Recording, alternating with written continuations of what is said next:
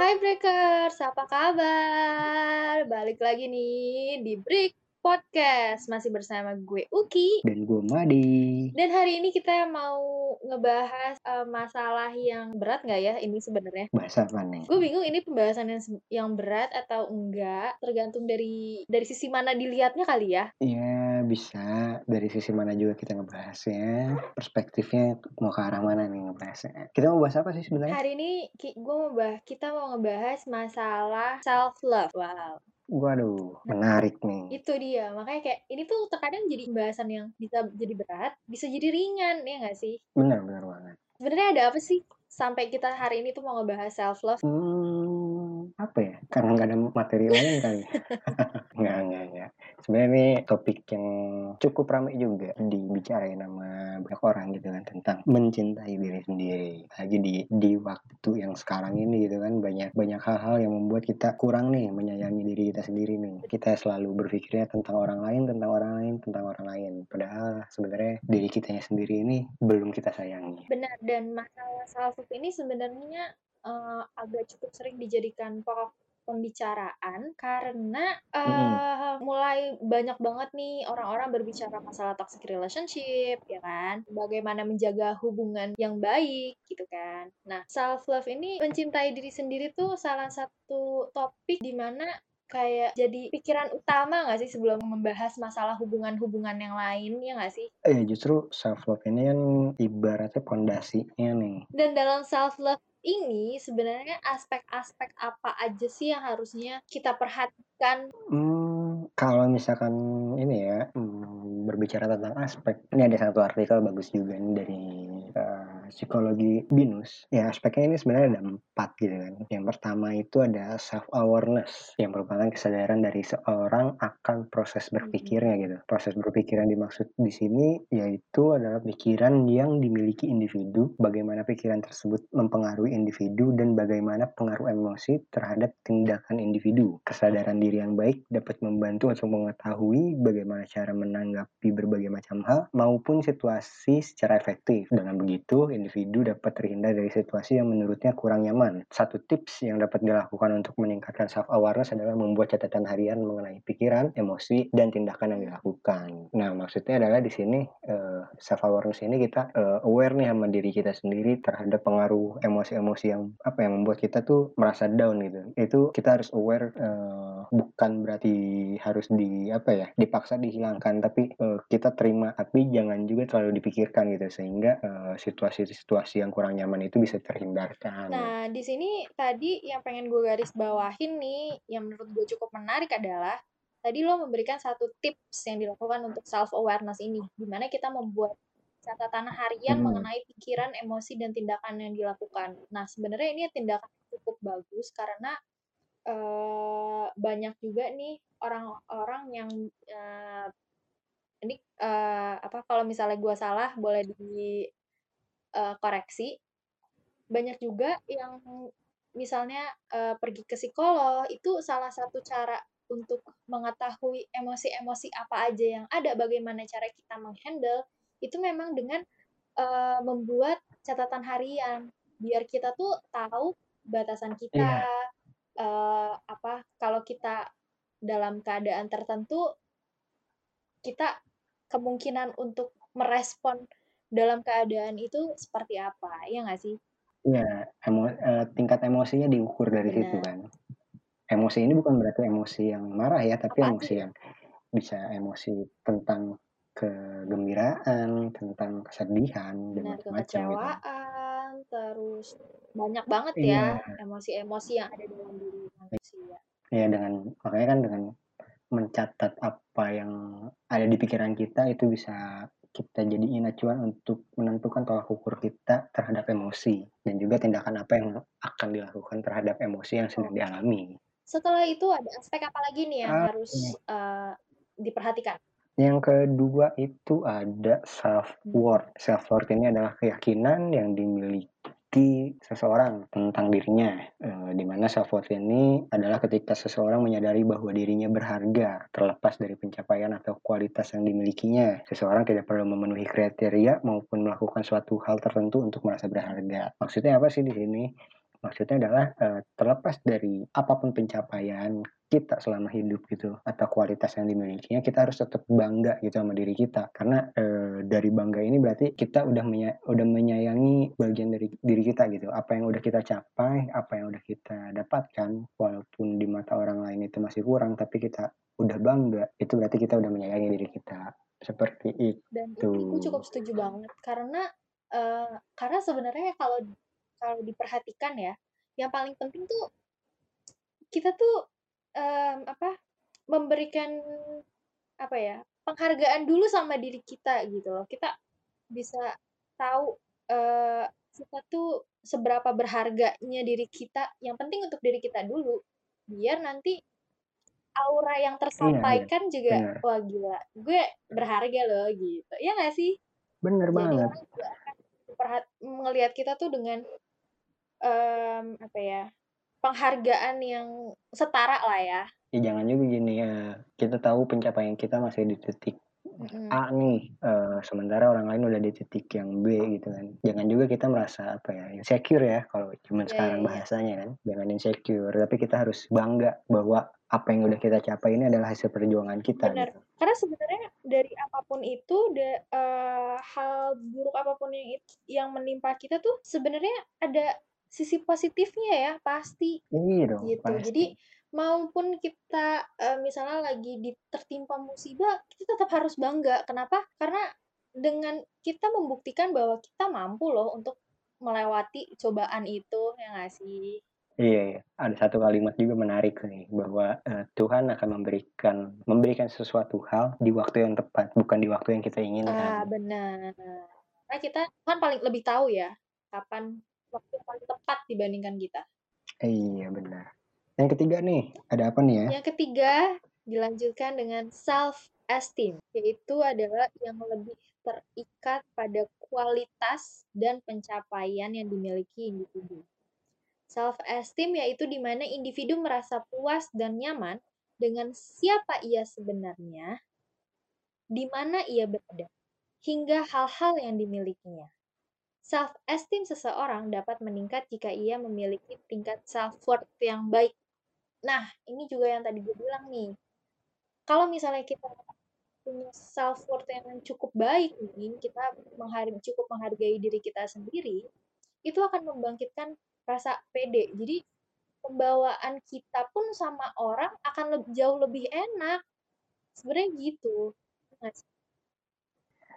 Benar, eee, bahwa kalau misalkan tadi kan di self-worth kan itu adalah kita, apa ya, Merasa mem berharga. bangga dulu gitu kan sama diri kita sendiri. Nah, dengan kita udah bisa bangga sama diri kita sendiri, berarti kita juga udah bisa bangga sama orang lain gitu. Sehingga akhirnya ketika kita udah merasa bangga sama diri kita sendiri, ketika ketemu orang lain itu akan, eee, yang pas ya, utamanya yang pas ya, yang cocok gitu, udah pasti sangat nyaman gitu. Mhm. Di mana pun itu, kapan pun itu, eee, selama kita merasa nyaman ya, itu jadi apa ya, jadi pencapaian gitu yang dimiliki oleh individu itu. Nah, dan ini tuh balik lagi ya, nggak cuman masalah hubungan doang, bagaimana kita dengan pasangan kita, enggak. Ini bisa ke siapa pun ya, bisa Iya. dengan teman, eee, dalam kita bersosialisasi, dalam lingkungan pendidikan.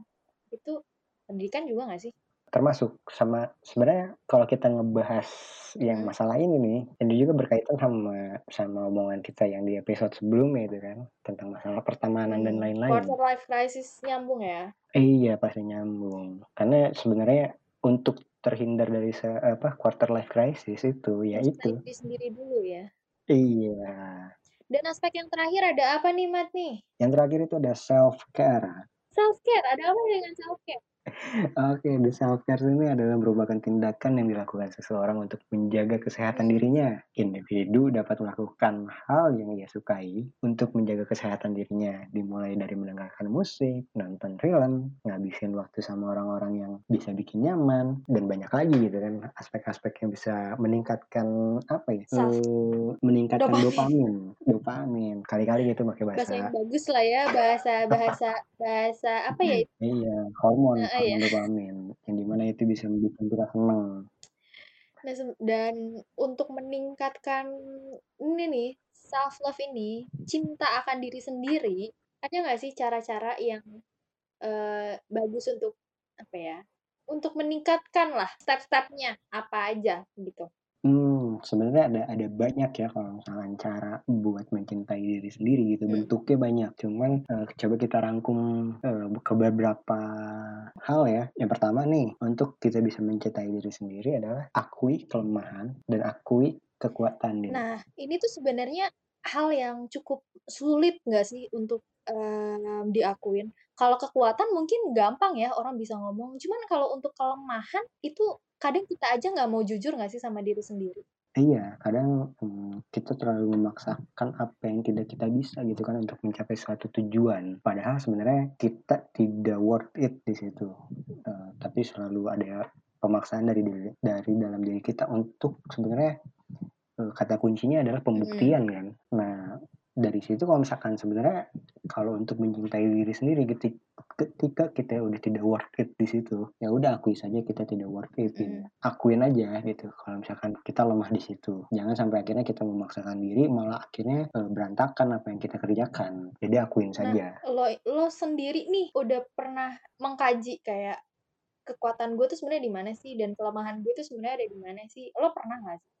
Eee, selama yang gua pernah lakuin ya, eee, terutama dalam bidang gua di film, gua kan udah mencoba berbagai macam divisi ya di dalam Mhm. produksi film. Di situ pun gua me menakar gitu kekuatan dan kelemahan gua di mana, eee, bahwa ada ada kekuatan yang lebih di satu bidang, ada juga kelema kelemahannya di bidang itu, tapi juga ada bahwa bidang-bidang yang di gua lemah di situ Mhm. gitu. Jadi gua gua udah pernah melakukan itu. Dan kalau untuk gue pribadi nih, ini adalah cerita gue ya, tentang salah satu sebenarnya kelemahan gue.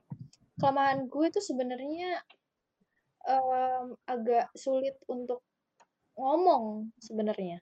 Itu, mmm, contoh yang paling gampang aja lah ya, itu kalau misalnya gue dalam interview, gue tuh kalau misalnya ngomong, gue tuh bisa tuh yang muter-muter, jadi nggak straight. Nah, itu Mmm. salah satu kelemahan gue, dan itu untuk gue 妈 apa ya, membenahi kelemahan gue itu sebenarnya cukup lama, dan gue pun masih belajar nih, kayak misalnya gue untuk interview gitu, gue tuh sampai berkali-kali sama temen gue, "Ayo, gue mau latihan interview ayo, gue mau latihan interview." Karena gue tahu nih, emang itu salah satu Mhm. kelemahan gue, tuh. Tapi kadang, apa ya, ketika kita udah mengakui kekuatan dan Mhm. kelemahan, atau kita mengakui Mhm. kelemahan aja ya, ketika kita mengakui sebuah kelemahan dalam diri kita, justru itu yang akan menjadikan kelemahan itu, eee, sebagai sebuah kekuatan. Kenapa? Karena ketika kita udah mengakui itu, otomatis kita akan mencoba belajar untuk memperbaiki hal itu kan, sehingga akhirnya, eee, kita udah mempelajari itu dan kita bisa, akhirnya itu menjadi sebuah kekuatan dalam diri kita. Mhm.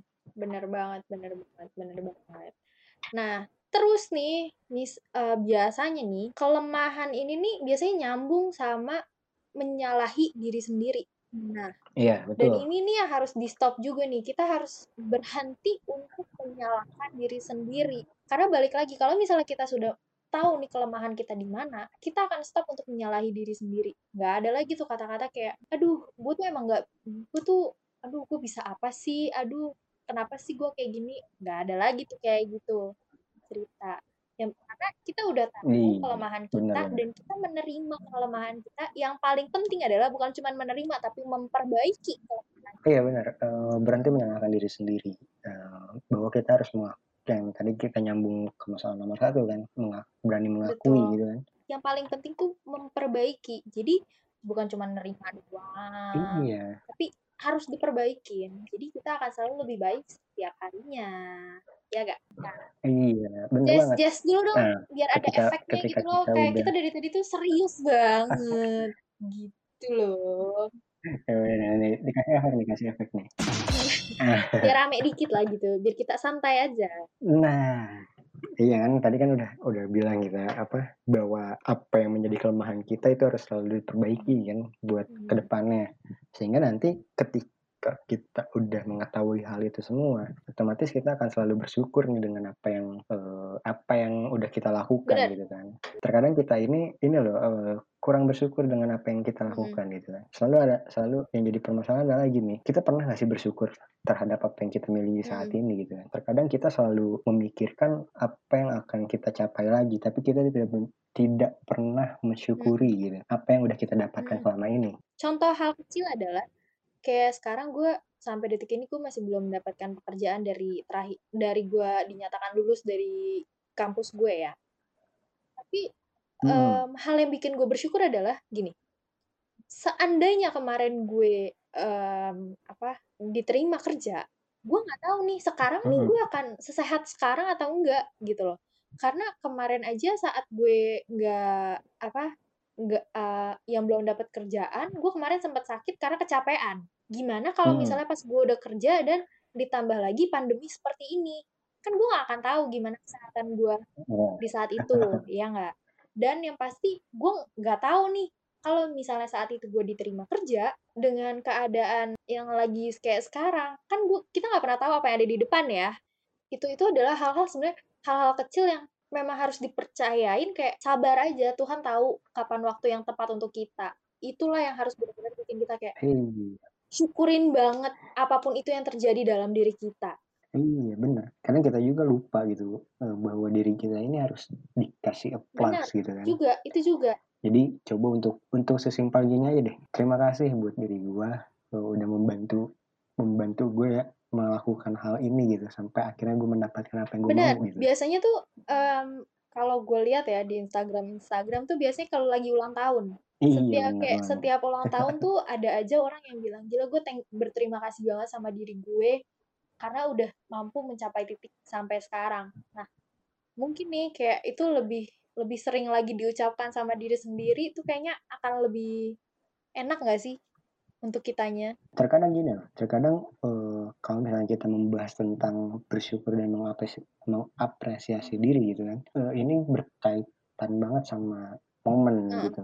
Momen apa sih yang lagi yang lagi terjadi di dalam hidup kita sampai kita akhirnya wah gila ya gue lupa bersyukur sama diri gue gitu. Pasti ada momen-momen tertentu gitu kan, momen-momen tertentu yang uh, membuat kita biasanya biasanya ya kebanyakan uh, membuat kita tuh sangat down gitu. Yang tadi lu bilang ketika lu belum mendapat pekerjaan ya, itu kan otomatis down banget dong buat buat diri lu gitu kan. Hingga akhirnya momen itu kita berpikir wah gila apa yang kenapa kenapa ya gue tidak bisa tidak bisa mendapatkan pekerjaan ya. Pada akhirnya kita akan berpikir, oh iya, kita ini lupa bersyukur loh sama diri Benar. kita. Ya udah kita bersyukur dulu nih sama diri kita nih, ucapin terima kasih sama diri kita. Udah ngebantu sampai sejauh ini, tubuh kita ini lagi capek loh. Istirahat dulu yuk, gitu.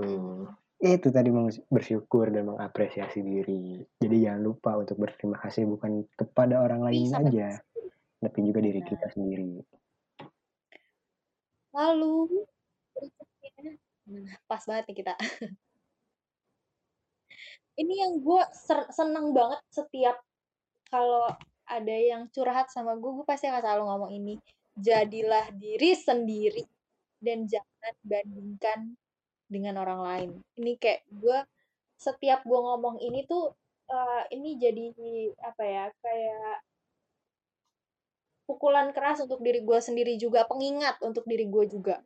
Karena um, terkadang saat kita ngelihat orang lain, karakteristiknya dia seperti apa, pencapaiannya dia seperti apa, terkadang kita ngebandingin diri kita dengan dia.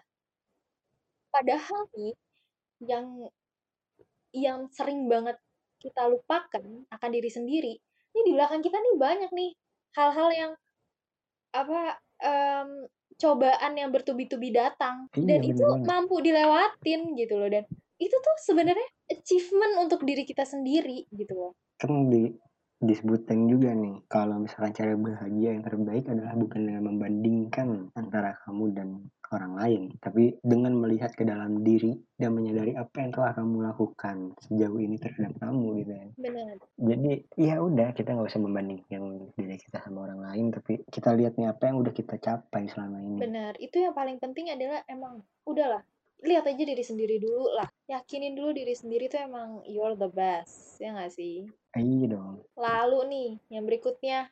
Jangan lupa juga nih ya kan? Kalau udah uh, memberikan encourage sama akan diri sendiri nih jangan lupa juga kalau diri ini juga perlu dikasih hadiah. Iya ya kan? dong yang lagi yang tadi juga disebutin kan, kita tuh perlu apresiasi bukan hanya terima kasih. Bener.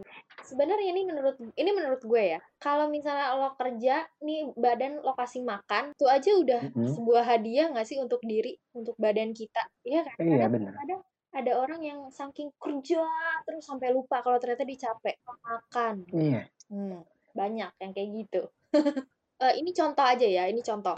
Orang pernah ngomong gini sama gue, "Ki, saya tuh mau secapek apa pun saya, seenggak nafsu apa pun saya, saya harus makan. Yang pasti ini badan itu udah capek, jangan dibikin makin capek lagi. Nanti kamu juga kalau misalnya udah kerja, eee, punya kerjaan yang capek, yang menuntut kamu untuk selalu sibuk, kamu tetap harus makan, nafsu ataupun tidak."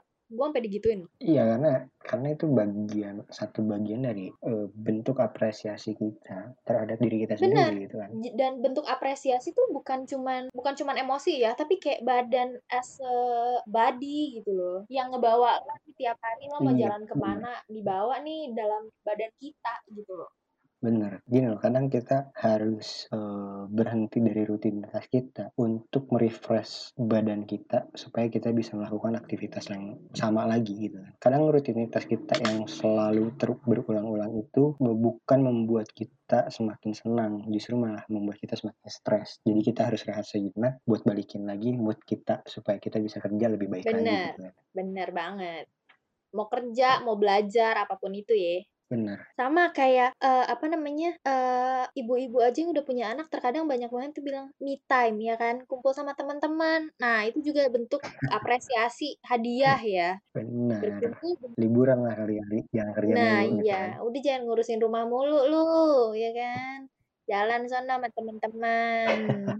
Yang paling penting nih, buat mencintai diri sendiri itu bukan hanya kita ngasih hadiah buat diri kita sendiri nih, tapi kita juga harus sadarin bahwa kita ini hidup sendirian gitu kan. Kita ini makhluk sosial, di mana ya akan ada momen tertentu di mana kita ada di posisi paling rendah dalam hidup kita gitu kan. Yang kadang itu bisa bikin kita tuh ngerasa sendirian buat ngadapin hal itu. Padahal, eee, sebenarnya apa yang kita tidak pahami dari hal itu, kita bisa cerita nih sama orang lain gitu, teman, keluarga, ke siapa pun gitu, eee, bahwa apa yang kita tidak bisa lakukan pada saat itu mungkin, eee, dari apa yang kita ceritakan kepada orang lain, itu juga bisa memberikan kita apa ya, insight insight kepada kita bahwa ada bantuan gitu. Terkadang kan ada aja ya orang yang, eee, sebenarnya ini termasuk gue sih, kadang kalau misalnya gue udah punya masalah tuh, ada masa di mana kayak gue pengen, udahlah gue pengen sendiri aja, gitu.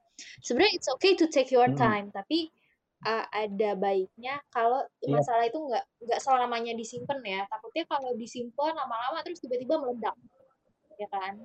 Iya dong, pastinya. Disimpan untuk sesaat baik, tap eee, tapi alangkah lebih baiknya untuk, eee, punya teman untuk sharing, kan. Bener, bahwa tidak ada hal-hal yang, eee, terkadang, eee, jangan kita pendam sendiri Iya. gitu.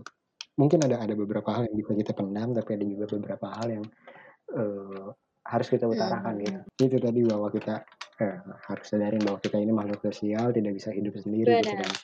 Ketika kita punya masalah dan kita butuh bantuan orang lain, why not kita kenapa enggak kita minta bantuan sama orang Mhm. lain gitu kan. Tapi perlu diingat juga bahwa kita harus meminta bantuan itu kepada orang yang kita percayai. Nah, iya itu, percaya. Jangan sembarangan orang ya, entar cerita lo diumbar-umbar lagi sama orang.